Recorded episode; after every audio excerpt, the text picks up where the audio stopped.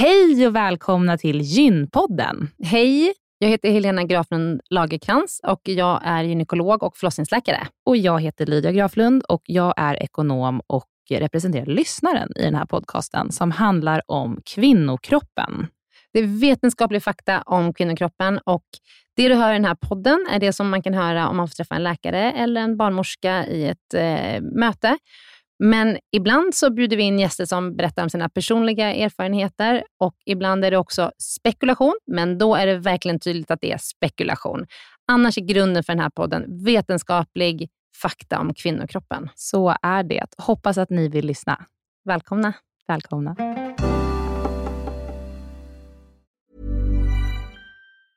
Many of us have those stubborn pounds that seem impossible to lose, no matter how good we eat or how hard we work out. My solution is PlushCare. PlushCare is a leading telehealth provider with doctors who are there for you day and night to partner with you in your weight loss journey. They can prescribe FDA-approved weight loss medications like Wagovi and Zepbound for those who qualify. Plus, they accept most insurance plans. To get started, visit plushcare.com slash weight loss. That's plushcare.com slash weight loss.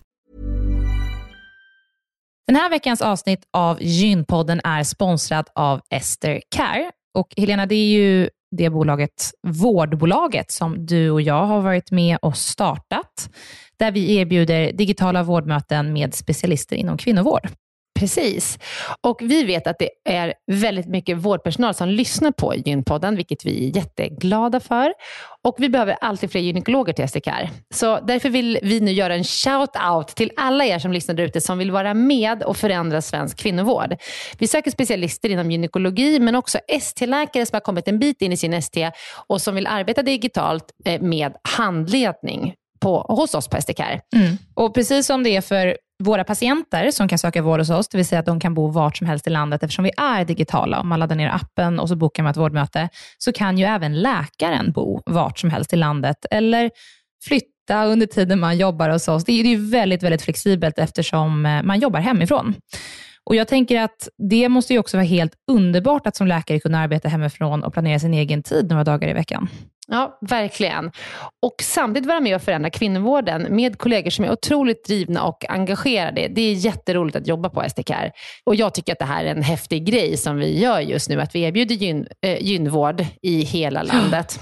Och vilka är de vanligaste patientmötena du tar, Helena? Ja, men det är ju klimakteriet, eh, PMS, eh, mensbesvär.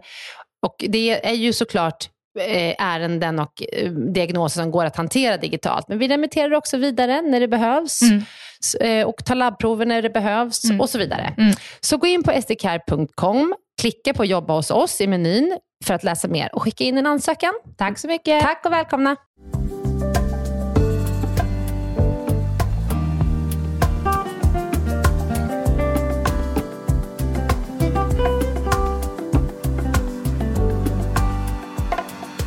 Hej och välkomna till Gynpodden svarar med doktor Helena. Hej, hej. Helena, mm. idag så ska vi prata om en fråga som vi fått in på Gynpoddens Instagram som handlar om två livmödrar. Ja. Och Frågan är, vad är det mm. och hur påverkar det att få barn? Ja, det är en jättebra fråga. Det är ju inte jättevanligt, men eh, jag har sett det eh, på en patient. Och eh, det heter ju då, alltså det, så här är det, när man ligger i, som ett foster i liksom livmodern, då uh, utvecklas de Müllerska gångarna, heter liksom ursprungsorganet, som ska smälta samman och bli livmodern, äggledarna och äggstockarna. Och eh, den här sammansmältningen, om den inte äger rum, då kan det bli att det blir två stycken separata organ. Så det blir två livmödrar med två livmodertappar och sen alltid är det ju då två äggledare och två äggstockar. Det blir inte fyra stycken? Nej, det blir det inte. Utan, men det, utan, det blir, och vi kommer lägga ut en bild på det här på Instagram när vi har släppt det här avsnittet, för att det är väldigt svårt att förstå och förklara hur det fungerar. Och, då, och Den här sammansmältningen av de här två organen som ska bli livmodern, den kan gå helt ihop och då blir det en stor livmoder med två stycken äggledare och två äggstockar. Eller så smälter den ihop och, men det blir liksom som en liten hjärtformad livmoder, att den övre delen av livmodern sjunker ner lite och då kallas det uterus bicornis eller hjärtformad uter, uh, uterus. eller livmoder. Eller så kan det bli att det liksom är två helt separata livmödrar. Mm.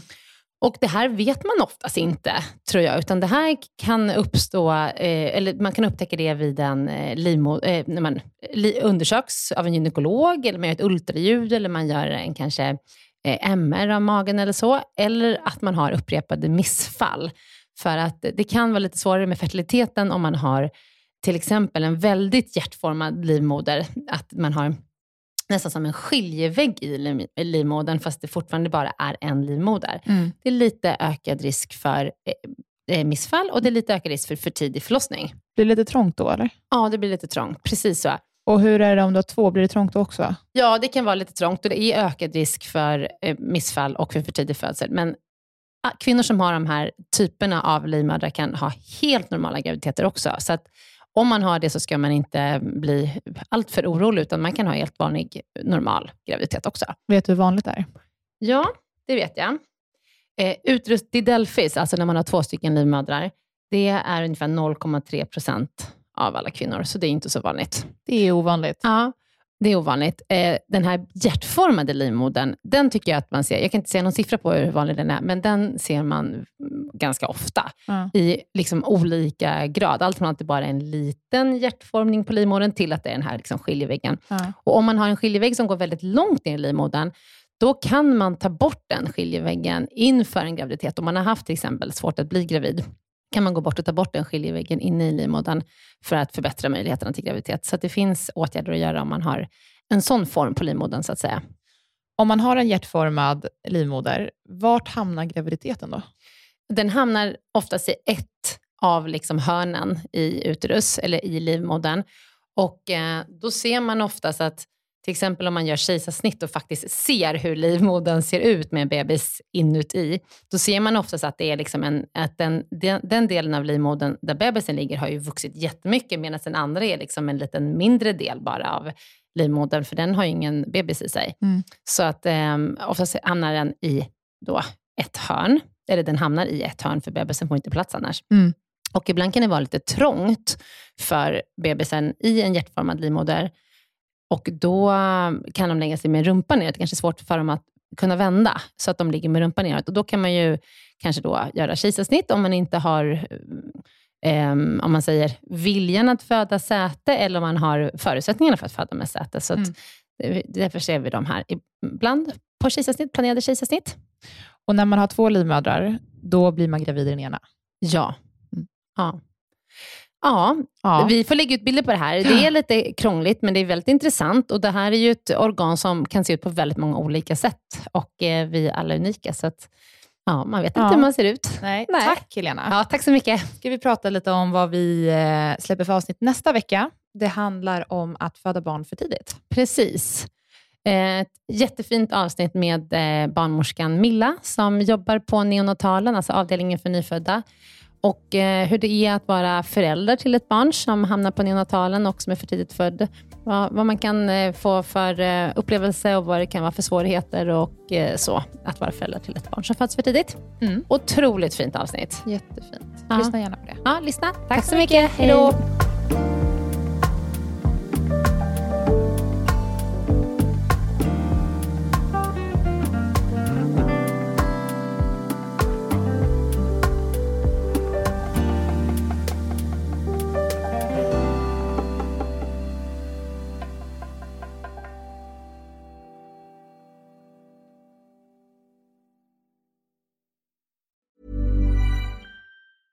Mom deserves the best, and there's no better place to shop for Mother's Day than Whole Foods Market. They're your destination for unbeatable savings, from premium gifts to show-stopping flowers and irresistible desserts. Start by saving 33% with Prime on all body care and candles. Then get a 15-stem bunch of tulips for just $9.99 each with Prime. Round out Mom's menu with festive rosé, irresistible berry chantilly cake, and more special treats. Come celebrate Mother's Day at Whole Foods Market.